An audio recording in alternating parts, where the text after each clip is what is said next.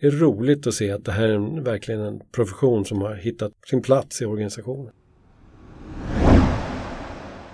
Du lyssnar på Chefspodden med mig Hanna Broberg och idag ska vi prata om rollen och förutsättningarna och utvecklingen inom HR. Erfarenhet. Styrning. Administration. Lyhörd. Kompetens. Underskott. Tillgänglig. Kommunikation. Motgång. Förtroende. Ansvar. Coachande. Rättvis. Konflikt. Tillit. Arbetsmiljö. Ledarskap. Hej och välkomna till Chefspodden med mig Hanna Broberg. Idag så har vi HR-tema på podden och jag ska samtala med mina kollegor i huset som är chefsförhandlare och HR-experter. Och Chefspodden görs av Svensk chefsförening och Akademikerförbundet SSR. Välkommen säger jag till eh, Maria Steinemén, Anders Kallemo, P.O. Sundberg. Välkomna, härligt att ha er och ses så här eh, och göra en podd tillsammans. Mm. Ni har ju alla lång HR-bakgrund som specialist och personalchefer och så, både i offentlig och privat sektor. Eh, och nu som då experter och förhandlande ombudsmän i huset. Berätta lite grann. Ni får presentera er. Vem vill börja? Ja, jag kan säga att Anders Kallemo heter jag och jag har jobbat främst inom kommunal sektor som HR-chef men jag har också haft en period på Riksteatern när jag jobbade med HR-frågor och före dess lite olika karriärrådgivare, HR-specialist och strateg och så vidare. Härligt. Fortsätter vi med PO eller? Ja, ja PO Sommer heter jag. Jag eh, har jobbat i över 30 år med HR-frågor och kan säga att det jag har varit med om är faktiskt mycket av de exempel vi kommer att ta. Jag började med min utbildning som var förvaltningslinjen med personaladministrativ inriktning. Sen har jag jobbat hela mitt yrkesliv i regioner och kommuner, landsting och kommuner. Ja, så den här HR-resan, vad HR var och vad det är, det ska vi komma tillbaka till. Den ska vi komma tillbaka till. Mm. Maria, jag har jobbat eh, inom offentlig förvaltning, eh, mest inom statligt, eh, statliga verksamheter men även privat eh, i olika roller och eh, de senaste åren som personalchef innan jag började här på förbundet. Härligt. Och i höstas så gjorde ju förbundet en medlemsundersökning bland våra HR-medlemmar och det är den vi mm. ska prata om eh, tillsammans idag och analysera lite grann vad det är vi ser. Men först tänkte jag att vi tar avstamp lite grann i, i erfarenheterna under pandemin. Mm. För det har förändrat HR men det har förändrat eh, våra arbetsplatser och eh, ja, vad är det för erfarenheter ni tror att vi tar med oss? Mm. Ja, vi kan väl börja med att tror vi väl vi ser här att vår profession som HR har tagit ett jättekliv framåt eh, tack vare och eh, de effekter som pandemin har faktiskt eh, fört med sig. Och det har ju med att göra att pandemin har påverkat fundamentalt alla organisationers inre liv och alla de områden där HR har sin expertis, om det så handlar om organisation eller arbetsmiljö eller eh, kulturfrågor. Mm. Känner ni vad, vad... Ja, jag tänker också att eh, det är vi, alltså HR har fått eh, en absolut en central roll eftersom vi har fått kasta om så mycket i vårt sätt att jobba, eh, hur vi ska hantera de frågor som uppstod. Så att vi har fått också tack vare, får man säga, på grund, tack, mm. när, vi, när pandemin ändå var så negativ så vi har fått en crash course i digitalisering. Mm. Vi har fått lära oss hur möten går till. Redskapen har utvecklats väldigt snabbt, mycket snabbare än de gjorde innan. Teams och annat blev liksom mm. anpassat till oss och så.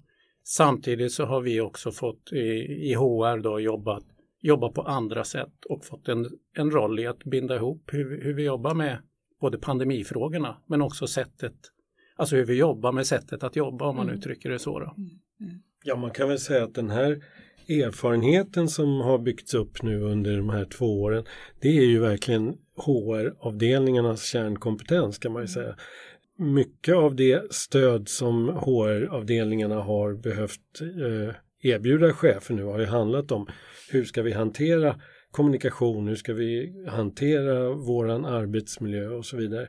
Och det här är ju verkligen ett läge för HR nu att flytta fram positionerna och säga att här har vi ny kunskap, nya erfarenheter som vi kan mm. bidra till mm. vad det gäller organisering, vad det gäller vad arbetsplatsen är till för, vad det gäller tekniken, vilka områden ska vi mötas i, vilka behöver vi inte och så mm. vidare och så vidare. Så det här är verkligen en sånt här utvecklingssteg för HR tror jag. Mm.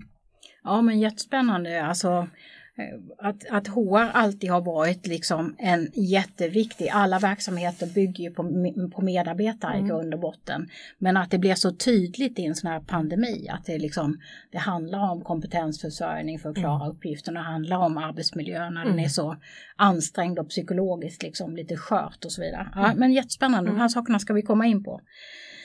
Eh, jag tänker på undersökning då. Eh, HR, det som är kul att se är ju att HR är nöjda med sitt arbete. Det är det här strategiska som ni pratar om. Man känner sig delaktig. Vi ser ju att, att eh, många sitter med i, i ledningsgrupp. eh, Man, man blir hörda i sin roll och säkert som vi är nu inne på eh, pandemin också bidragit till det sen. Eh, men samtidigt en som, sak som vi ska komma tillbaka till är ju att det är, det är sorgligt att det är så hög arbetsbelastning. Vill ni säga lite mer om det här med, med liksom HR-medlemmarna och, deras svar? Vad, vad är det vi ser i undersökningen? Det vi tyckte var väldigt roligt initialt, det var ju att se att HR idag känner att de har en tydlig legitim plats i organisationen. Vi har ju jobbat ganska länge alla tre och eh, när jag gick på den här utbildningen som då, med, då hette P-linjen eh, för många år sedan, eh, då var det här en ganska ny professionaliseringsprocess av en grupp som kanske betraktades som administrativt stöd i organisationerna. Det hade pågått ganska länge men det blev väldigt tydligt då när samtliga lärosäten började ta sig an de här utbildningarna. Och P-linjen som den hette, som numera heter lite olika saker på olika platser, är ju idag en väletablerad utbildning. Och med det så är ju professionen också väletablerad som en strategisk resurs ute i organisationerna. Och det ser vi i den här eh, undersökningen där vi ser att de flesta känner att de har en legitim plats, de är anlitade, de finns med i ledningsgruppen och, och det, det är roligt att se att det här är en, verkligen en profession som har hittat sin plats i organisationen. Mm. Vad vi ser det är väl också det att, att man känner att man också får respekt. Eh, man, vi har ju faktiskt en sån, ställt en sån fråga och jag tänker att professionen som sådan, att det finns ett kunskapsperspektiv, att man har respekt för den kunskapen som ändå HR kan eh, bidra med eh, och att man också upplever att man är den här strategiska parten som Anders var inne på. Vi började en resa en gång i tiden och nu har vi förflyttat oss och nu tror jag att vi är där. Vi är väl ingenting som vi är förvånade över men det är roligt att se att det kan bli bekräftat i en undersökning. Ja, för på något sätt arbetslivet förändras, utvecklas, takten går också, det går också allt snabbare.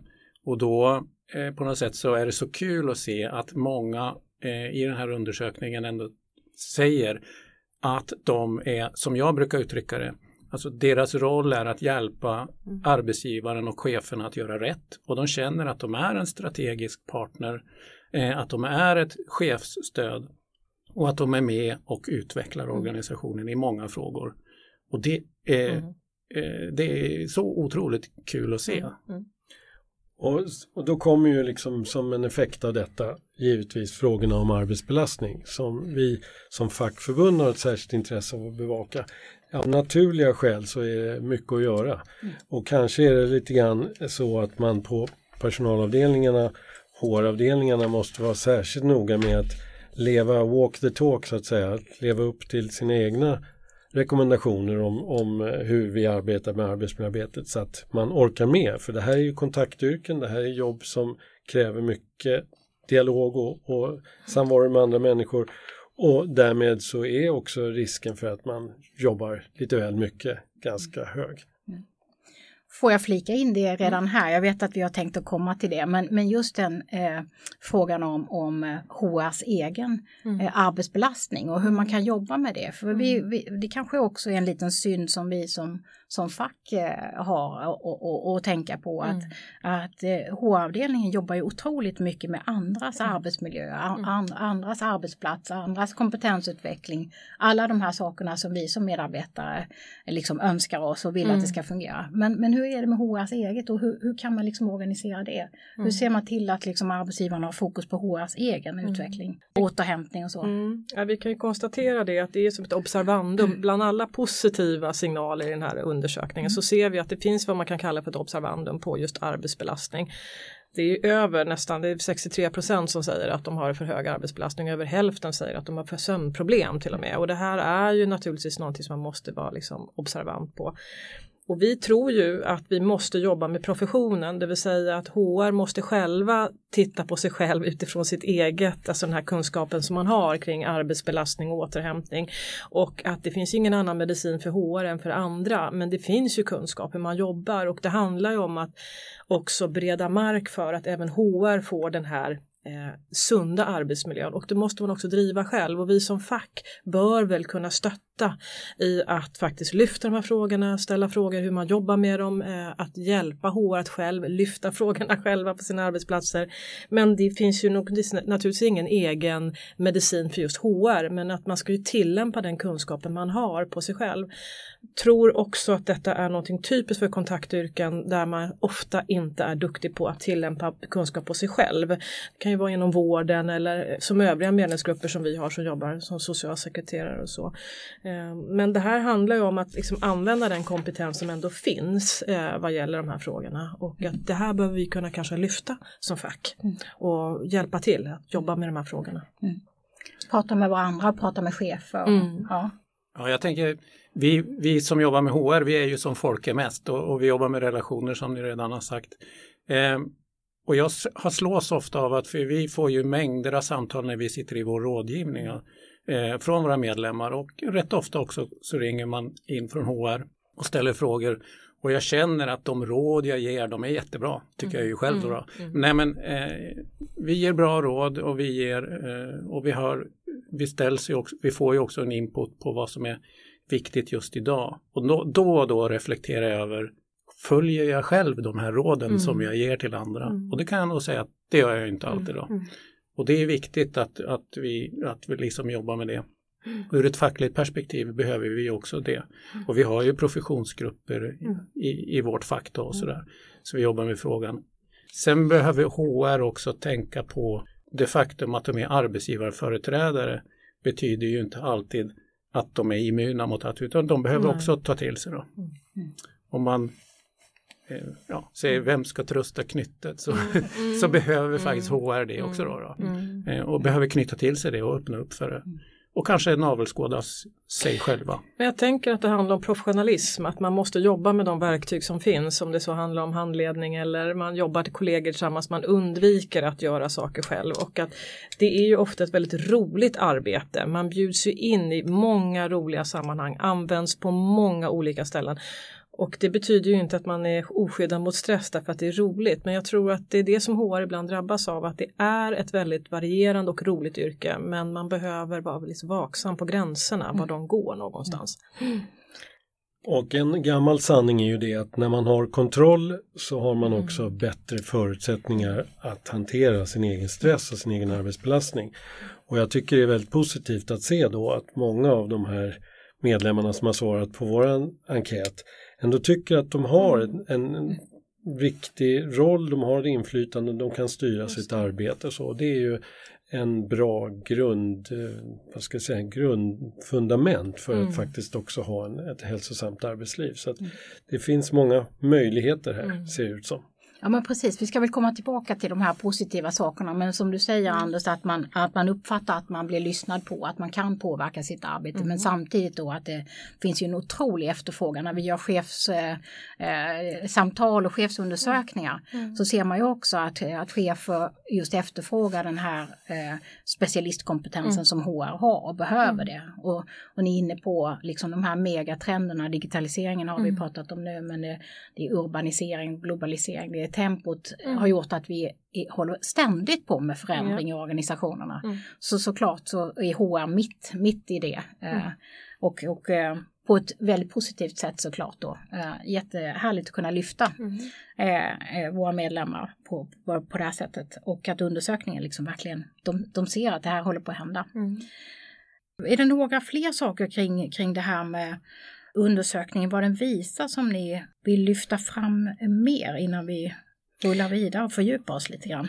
Jag- tänker att man ska ju ändå lyfta ändå att, att detta att det är en strategisk part, det är över 80 procent som hävdar det som vi var inne på tidigare, att det är ju ändå en otroligt viktig del för att vara en, en akademisk profession, vilket det här är nu. Och det visar ju att vi används på det sättet.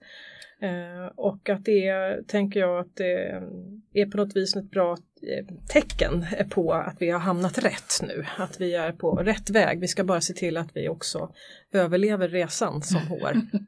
Och då kan man väl säga att de svar vi har fått kring utvecklingsområden kanske återspeglar det här lite grann. För här säger eh, många att det som särskilt behövs är utveckla arbetsrätt, regelverket, man måste bottna i det, kunskapen, det som vi som ombudsmän och chefsförhandlare sitter i dagarna i ända. Det är ju områden som kanske inte ja, mer än förhandlingschefer och förhandlingsansvariga sitter i dagarna i ända som HR-specialister. Men det är ett område som många känner att de behöver utveckla. Även organisationsteori, organisationsförändringar, att kunna vara inblandad i de större beslut som tas när man ska göra förändringar, att man inte bara kommer in för att ta hand om effekterna av förändringarna utan man faktiskt är med och, och, och den, ehm, det är tydligt att här känner ju gruppen att det finns uppgifter eftersom man vill ha kompetensutveckling kring de områdena. Mm. Och där kan jag se faktiskt en skillnad under den resa jag har varit med om. Eh, för det var, det var bra att du sa det. För tidigare så kunde jag uppleva att ledningsgrupperna tog ett beslut om man skulle göra någonting och sen informerade man HR om det och så skulle HR ta hand om det men hade inte varit med om resan fram till beslutet. Vad hade man? Och det blev idag och det kan vi se i vår undersökning också om du tog upp en sak till som man hade tänkt på så kan jag se att man är betydligt mera eh, nöjd med sin situation och tycker att man tillvaratas på ett annat sätt om man är med i ledningsgruppen. Mm. Och det finns och det andra också när man inte är med i ledningsgrupper. Mm. Och, och, och, det kan jag se ändå att många tycker att de är involverade i förändringsarbetet när det sker. Mm. Och då kommer ju de med sin professionalitet, med sin eh, tårtbit till helheten. Mm. Så hela tårtan bakas samtidigt eller hur man ska uttrycka det. Då. Inte gästen efter degen. My mycket metafor här nu. Men, men det är som 63 eh, procent uppger att de sitter i ledningsgrupp och den där mm. pendeln har ju verkligen svängt fram och tillbaka. Mm. Man stoppar in HR mm. hos administrativa chefen som fick sitta i ledningsgrupp men HR hamnade utanför och sådär. Men jag tänker också att arbetsmarknaden börjar se annorlunda ut. Det finns faktiskt en kompetensbrist i väldigt många områden. Alltså att man behöver kräva högre och högre utbildad personal och det är tufft att få den.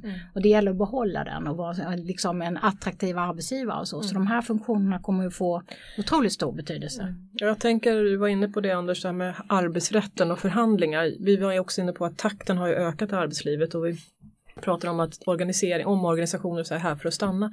Den kunskapen är ju Alltså den är ju eh, avgörande för ett, en, en, organisation och ett företag för att man ska kunna göra de här processerna på ett riktigt och bra sätt.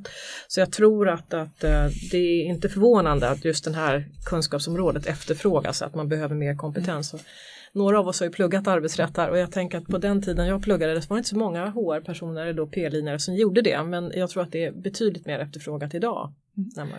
Men det finns en intressant aspekt på det här som handlar om leg legitimitet för att mm. chefer vänder sig till HR i min erfarenhet när det uppstår problem eh, och vill ha hands-on hjälp i verksamheten med krishantering, med människor och relationer med den typen av frågor och man vill ha hjälp i administrativt stöd och så där.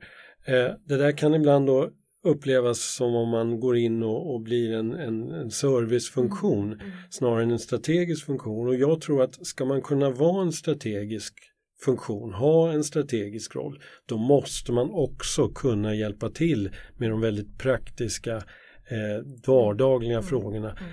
Därför är det viktigt att man som HR-specialist i en HR-grupp finns med i de vardagliga, till exempel att man sitter i samverkan som ofta i kommun och, och i statlig verksamhet eh, finns i samverkansavtal, att man sitter med och deltar i, de, i vad ska jag säga, det dagliga arbetet.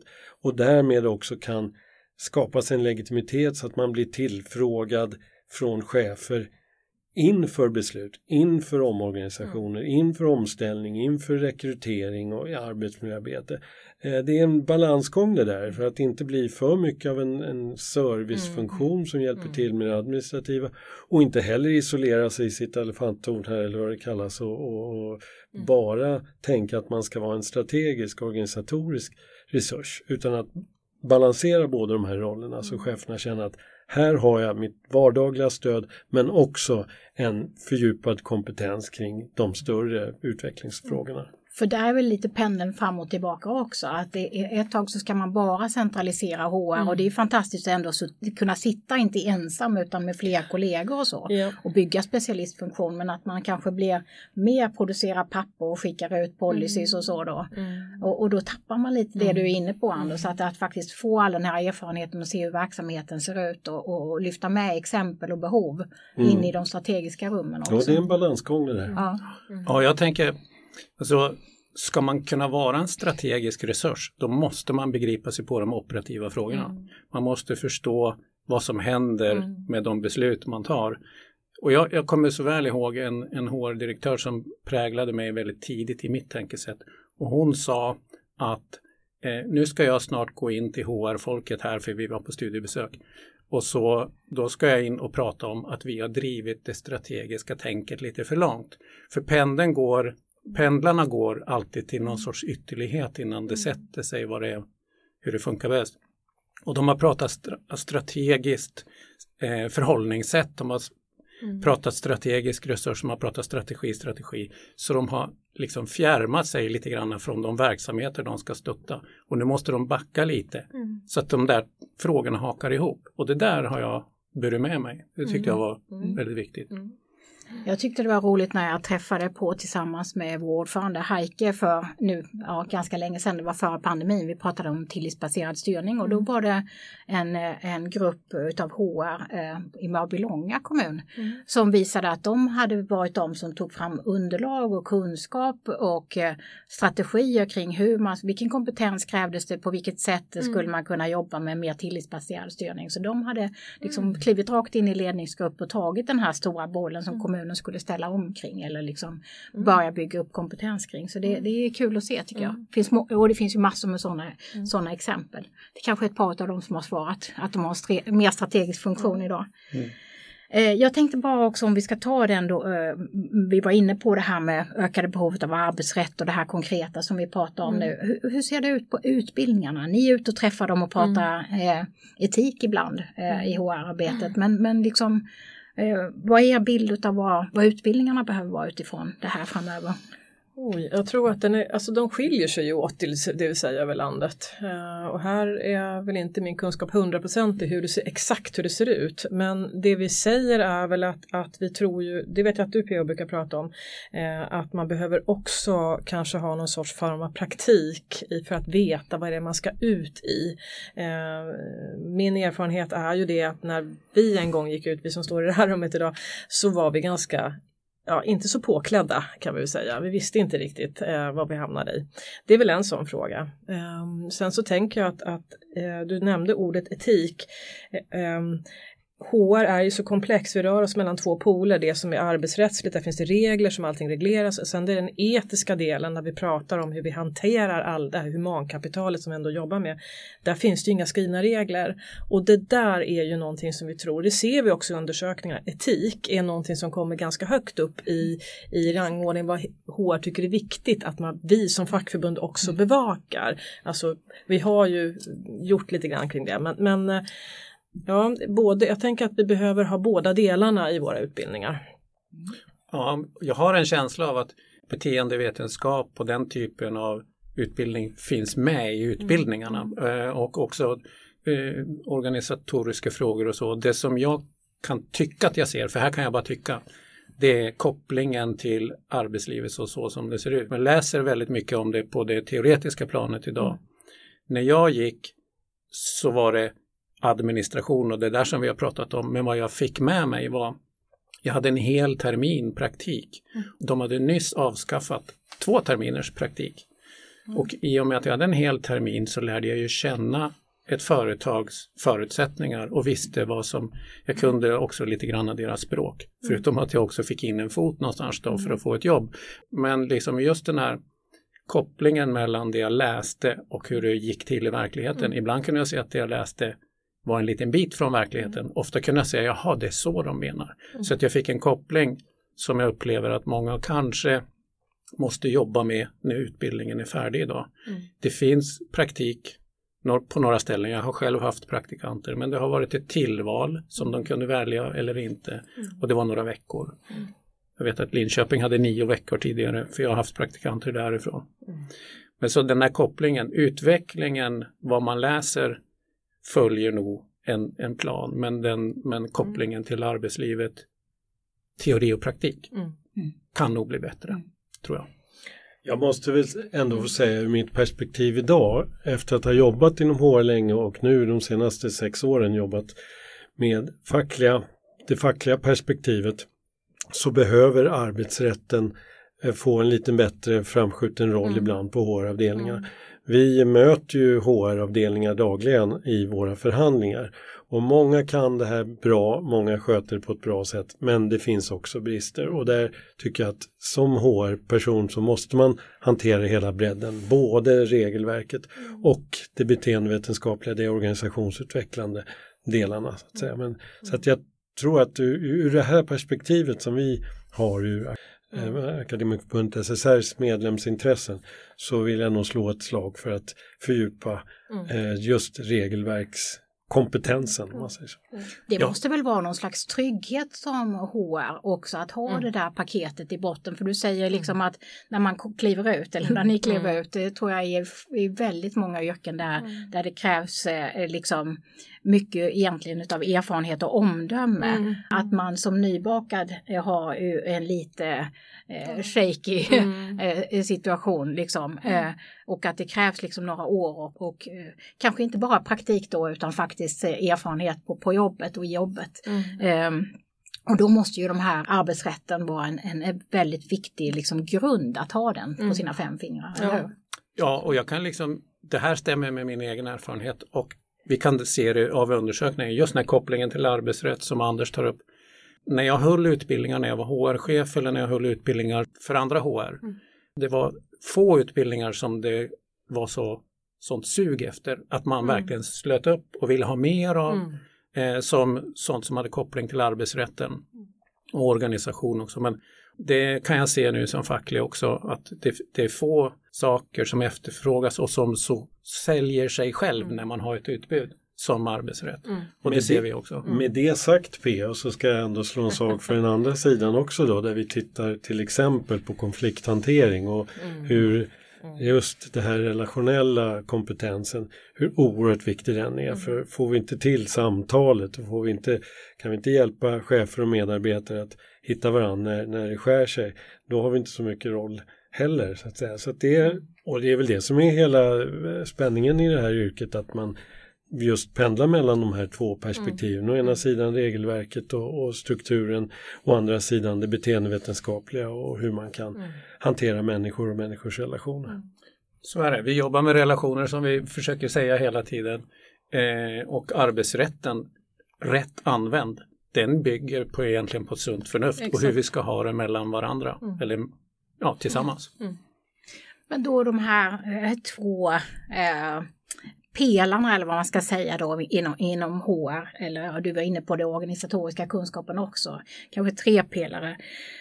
Hur tänker ni, vi, nu har vi varit inne på undersökningen, några av de områdena, alltså starkare mandat, eh, den här behovet av mer arbetsrätt, eh, vi har varit inne lite på, på, på digitaliseringens betydelse, men, men om de här tre benen nu ska liksom användas eh, på, på rätt sätt i organisationerna framöver, hur, hur tänker ni att HR-arbetet kommer liksom att bli, om vi skissar, tittar lite fram, framöver så att säga? Alltså jag tänker då rubriken distansarbete och våran nyvunna kompetens och erfarenhet ifrån de här åren som har gått nu med den här pandemin. Och det jag tycker är särskilt intressant där är ju är inga nya områden utan det är ju snarare vilka lärdomar drar vi av det här? Att det faktiskt gick att sköta jobben på distans på det viset. Vilka fördelar dök upp men också vilka risker, vilka nackdelar dök upp. Det finns begynnande forskning på det här området och här tror jag att HR-avdelningarna ska ta initiativet. För vi kan ju faktiskt lösgöra oss en del ifrån de här lite gamla sätten att tänka att vi måste vara på arbetsplatsen mellan 8 och 5. Eh, vi kanske kan hitta vissa möten som vi alltid måste träffas på, vissa möten som vi aldrig behöver träffas kring och, och vi kan fundera på vad ska vi ha en arbetsplats till. Eh, sen har vi väldigt olika förutsättningar att jobba på distans och det måste också tas in. Men eh, poängen är att distansarbetet och pandemin har gett HR eh, funktionen en ny kompetens att faktiskt erbjuda organisationen att fundera kring. Det här är ju ett jätteintressant område och jag hörde just en forskare som sa det att tiden går fort, forskning går långsamt. Men om man nu tittar på den forskning vi faktiskt har att tillgå så visar de ju just det som eh, Anders pratar om här nu att det här är ett paradigmskifte. Eh, det här med distans eller hybridarbete, det kommer vara kvar. Det kommer påverka HR väldigt, väldigt mycket. Därför att HR har ju då både förhoppningsvis intresse och kunskap om att jobba med de här områdena. Det är helt nya företag förutsättningar som kommer. Eh, det här stigmat med att distansarbete har, eh, har ju faktiskt minskat. Det, det här som man tidigare trodde att om man inte är närvarande så, så jobbar man inte. Alltså närvaro har inte blivit ett lika med prestation och det är det vi har sett nu. Eh, och det här är ju otroligt viktigt att HR är med och driver och bevakar. Forskning har ju lyft fram bland annat eh, individualiseringen som är en effekt av eh, pandemin i att vi har arbetslivet har blivit mycket individualiserat. Det innebär både risker och fördelar men det finns ju olika villkor hur vi lever, våra familjesituationer, bostäder etc.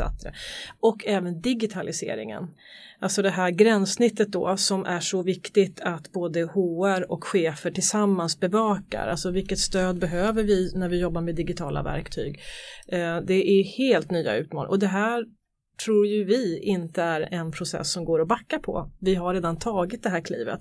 Eh, så att nya former att arbeta på och här har ju HR hamnar ju i centrum direkt vilket är så roligt. För det är ju våra områden. Får jag haka på det här individualiseringen? Mm. För det har ju varit en trend som du säger i bostäder och, på, på, på, och hur vi lever på, på så många sätt och då att det, det har blivit liksom tydligare och det får ju också en del negativ. Mm. Va? Man ska driva en organisation och våra uppdrag gemensamt Ja. och dra åt samma håll och sådär.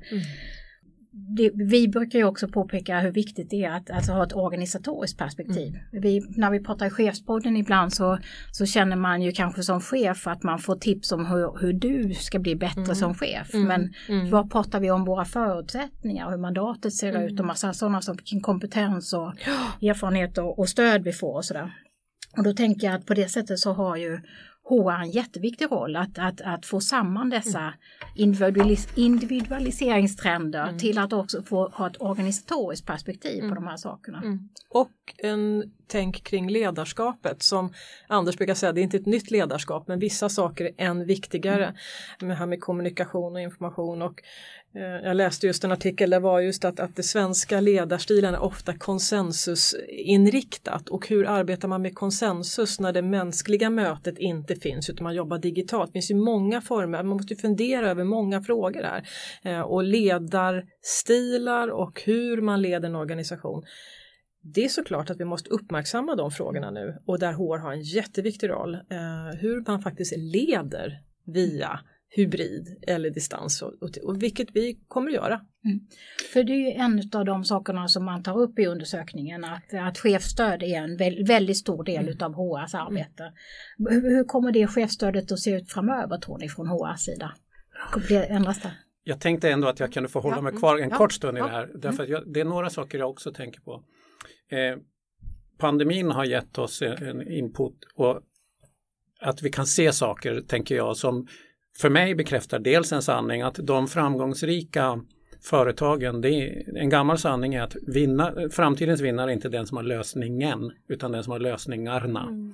Eh, pandemin har visat att vissa blommar av hemarbete, Mm. andra börjar vissna. Mm. Eh, och det, det här, trenderna i det här kunde vi se när vi skulle gå in i ABV-verksamheter och den typen också. Att, att det, det, finns, eh, det finns liksom de som säger jippi och de som säger det här kommer aldrig att gå och så hela skalan däremellan. Och vi behöver jobba med det. Och jag tror att pandemin har visat att det finns massa olika infallsvinklar på, så där vi kan jobba med det olika och då kommer vi till individualiserade. Hur får vi var och en att blomma efter, efter sina förutsättningar? Så då måste vi ha många olika Mm. lösningar på det här. Inte bara säga nu ska alla tillbaks till jobbet eller säga nu ska alla jobba hemma Mm. eller nu ska man jobba 60-40 eller 30-70 och så vidare. Det kommer aldrig att funka. Mm. Men sen skulle jag vilja ta en sak som vi inte pratar om så mycket. Det är inte majoriteten av de anställda i verksamheter som kan jobba hemma ens en gång. Absolut. Ehm. Och, och majoriteten av de som kan jobba, eller jag ska inte säga hemma, jobba på andra platser ska man kanske säga. Därför att digitalisering och sånt tillåter det. De är någon form av stödresurser till en verksamhet som är mera på plats. Och det eh, kan också ha sina sidor och det behöver vi också tänka på. Det tror jag är någonting som HR, det kan leda till saker, jag kan inte ge några exempel, men, men det ska vi, vi ska ändå vara medvetna om att till och med under pandemin så jobbade majoriteten av de som finns i verksamheter på plats. Eh, och, och eftersom alla, är, alla anställda i ett företag är till för verksamheten så måste vi hantera det också så vi har det fokuset. Ja, ska man utveckla det där lite till så kan man säga att eh, det blir mer komplext att hantera frågan om distansarbete. Vi får förhandlingsframställningar nu från organisationer som princip tar bort eh, arbetsplatsen. Eh, ofta är det här internationella organisationer som har kanske en lite mindre, säg en försäljningsorganisation eller något sånt i Sverige. Och eh, där går man in med eh, idén om att nu behöver vi ingen arbetsplats här. Det är liksom den ena extremen. Den andra extremen är ju arbetsplatser som nu säger att nu är vi tillbaka på nollläge. Vi jobbar mellan 8 och 5 och vi har en arbetsplats dit alla ska ta sig till. Och sen så har du allting däremellan. Och i det här så har vi det som PO var inne på. En del personer kan hamna i en social isolering. En del kan bli väldigt effektiva. En del kan bli professionellt isolerade och känna att de inte har en utveckling på grund av att de inte har den här dagliga dialogen. Och en del får en väldigt stor för, förbättrad förutsättning att fördjupa sig inom sitt område. Så vi kan bara konstatera att omständigheterna har gjort att villkorsfrågor har blivit mer komplicerade att hantera och det är vårt jobb som jobbar med HR att hantera sånt. I det här komplexa då, eller ville du Ja, när jag blir så hoppa in. Jag tänker också när jag hör mina kära kollegor här. Jag tänker också att HR har ju en viktig uppgift att jobba med kompetensutveckling. Det innebär ju också att kunna rekrytera och det hör vi ju nu rapporter att det här har blivit en employer branding fråga. Mm. Det vill säga kan man erbjuda detta li- lite mer flexibla arbetsliv som vi har blivit tillåtna med vissa begränsningar, inte alla.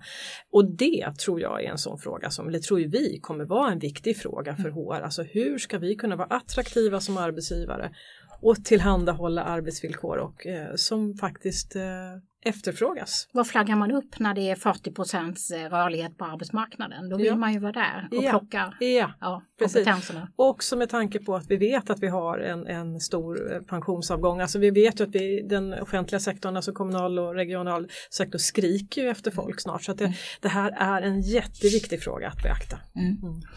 I det här komplexa som ni var inne på nu då eh, och, och, och alla de olika aspekter. eh, Du Anders eh, visade ju liksom hur, hur, hur vi kan bli både isolerade och det kommer olika liksom, delar av organisationen och olika verksamheter kommer att jobba på, på olika sätt eh, på plats. Så Jag tycker det är viktigt det du säger Pio att, att så otroligt stora volymer av oss som jag är, finns på den svenska arbetsmarknaden faktiskt är på plats också och måste vara det. Jag tänker att det skapar ju också lite spänningar för nu har det varit något speciellt kring det här distansarbetet. Nästan lite en förmån kan man liksom säga och några har kanske sett det så också speciellt om man har kunnat liksom med det sätt ris eh, minska risken att bli smittad till exempel. Det är klart att det är en jättestor sak. Eh, och, och, och vi ser nya saker hända liksom kring, kring vår omvärld och så. Men eh, chefstödet vill jag komma tillbaka till då. Hur kommer HR att jobba för det var ju en av de saker man lyfter upp i undersökningen. Eh, att, att HR har en otroligt viktig roll i chefsstödet. Eh, Apropå det här liksom hur, hur mycket handfast eller strategiskt man är, men det är ju något väldigt handfast ofta. Och komma in så tidigt som möjligt också i chefen, i stödet till chefen så att chefen gör, hamnar rätt så att säga. Jag tror att en viktig fråga då eh, är att HR tillsammans med chefen diskuterar hur ska led, ditt ledarskap se ut? För som, som vi tangerade och, och som jag kunde se redan i ABV-utbyggnaden, alltså om inte ledarskapet ändrar sitt sätt att leda, när medarbetarna har fått ändra sitt sätt att leda, då, då får vi problem i organisationen. Så det är en viktig input att vi på HR är med och, och, och- och stöttar att forma det. Men sen kan jag också se att eh, om vi kombinerar det med förändringstakten som är och vi, vi är, alltså arbetslivet är i ständig förändring för väldigt många arbetsorganisationer är i ständig förändring. Då, behöv, då, då söker de sig, cheferna faktiskt också, upp HR i högre grad än tidigare, upplever jag.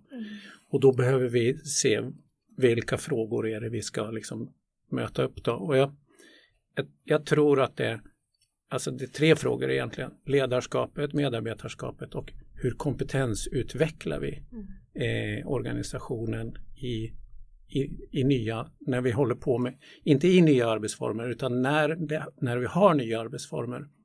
Hur jobbar vi med kompetensutveckling? Det tror jag. Men och jag tycker att vi ska formera team faktiskt. Vi ska HR tillsammans med ekonomer, tillsammans med andra stöd. Alltså det ska inte vara varje stödresurs för sig utan vi ska vara ett team runt ledarskapet. Och jag brukar ju ändå säga att det är faktiskt chefen som är den viktigaste HR-resursen på plats. För det är ju chefen som jobbar med sina medarbetare så. Och därför ska vi forma ett team som tillsammans lyfter chefen då på de ställen där man, eller i de frågor där man inte kan begära att de kan de här frågorna av sig själva. Så att säga. Jag tänker att HR har en väldigt viktig roll i att, att faktiskt visa kartan, att vi är i omställning, att inte låta människor tro att nu är det över och att allting blir som vanligt för utan att vara lite grann den här personen som är både alltså forskning och eh, god analytisk förmåga, våga ta de här diskussionerna, liksom sätta sig ner och säga okej, vad har vi för plan nu? Eh, så det inte blir business as usual och det här som one size fits all utan att vi måste våga ta frågan och där tycker vi att vi ska vara lite proaktiva och modiga. Eh, inte vänta, även om vi säkert blir uppsökta så ska vi ha den här förmågan att själv lyfta de här frågorna.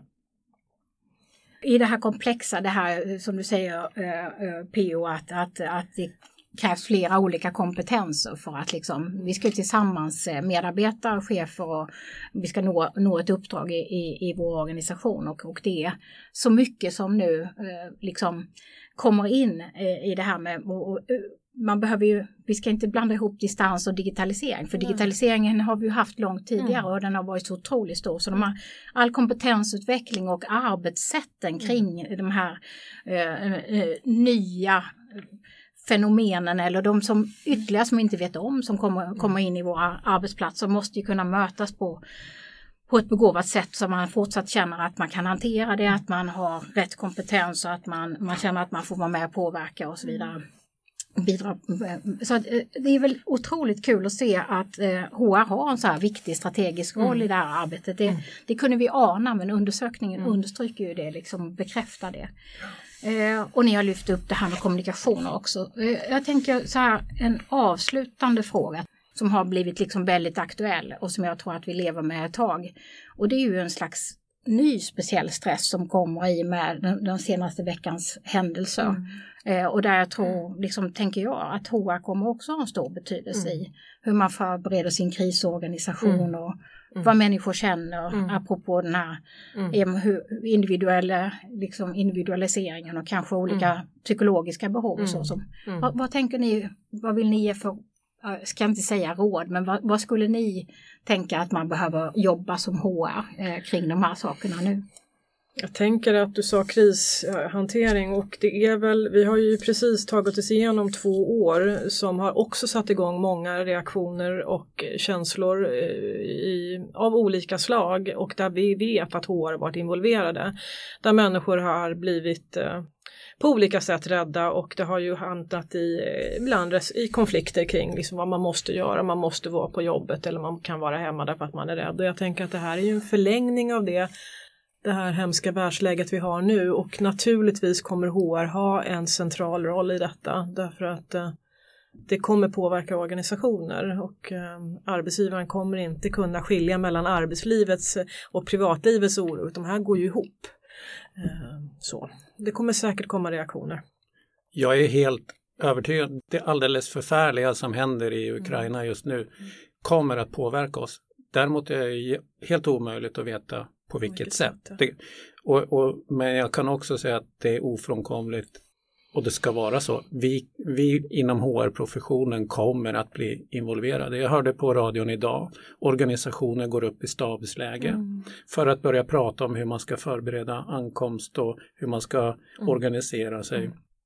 Jag hörde att eh, arbetsgivarorganisationer får frågor från sina arbetsgivare. Eh, vad ska vi tänka på nu? Mm. Vad ska vi för, förbereda? Vad ska vi göra? Mm. Och i alla dessa frågor och i allt som ska göras så kommer HR att få en roll. Det är jag helt övertygad om. Mm. Och då är det viktigt att HR får vara med i ledningsgruppen och vara med i stabsplaneringen så att Mm. säga. I det. Det är jag övertygad om. Vi vet inte vad som väntar egentligen. Mm. Och då tänker jag så här, ska man få de bästa HR då? Så har vi, för att sammanfatta vår undersökning lite också, vi vet att HR vill själv ha en bra chef. Mm. Vi vet att man vill jobba för någonting man brinner för, att man känner engagemang. Och man vill ha balans, Mm. det här med Mm. återhämtning och den, den tuffa situation man har på jobbet. Mm. Balans där med arbete och fritid. Och sen får vi eh, också sä- säga den självklara saken som ett fackförbund. Mm. HR vill ha bra lön också. Mm. Det ska vara i paritet med kompetens Mm. och, och, eh, och eh, det jobb man utför och det kanske det inte alltid är idag. Mm. Så att Mm. det måste man uppskattas för också. Mm. Men då tänkte jag att vi avrundar. Tusen tack till P.O., Anders och Maria. Vi har pratat om rollen som HR och den här undersökningen men också vart tar HR-professionen vägen? Vad har vi gjort för resa med HR under de senaste åren? Tack för idag. Tack. Tack så mycket. Tack.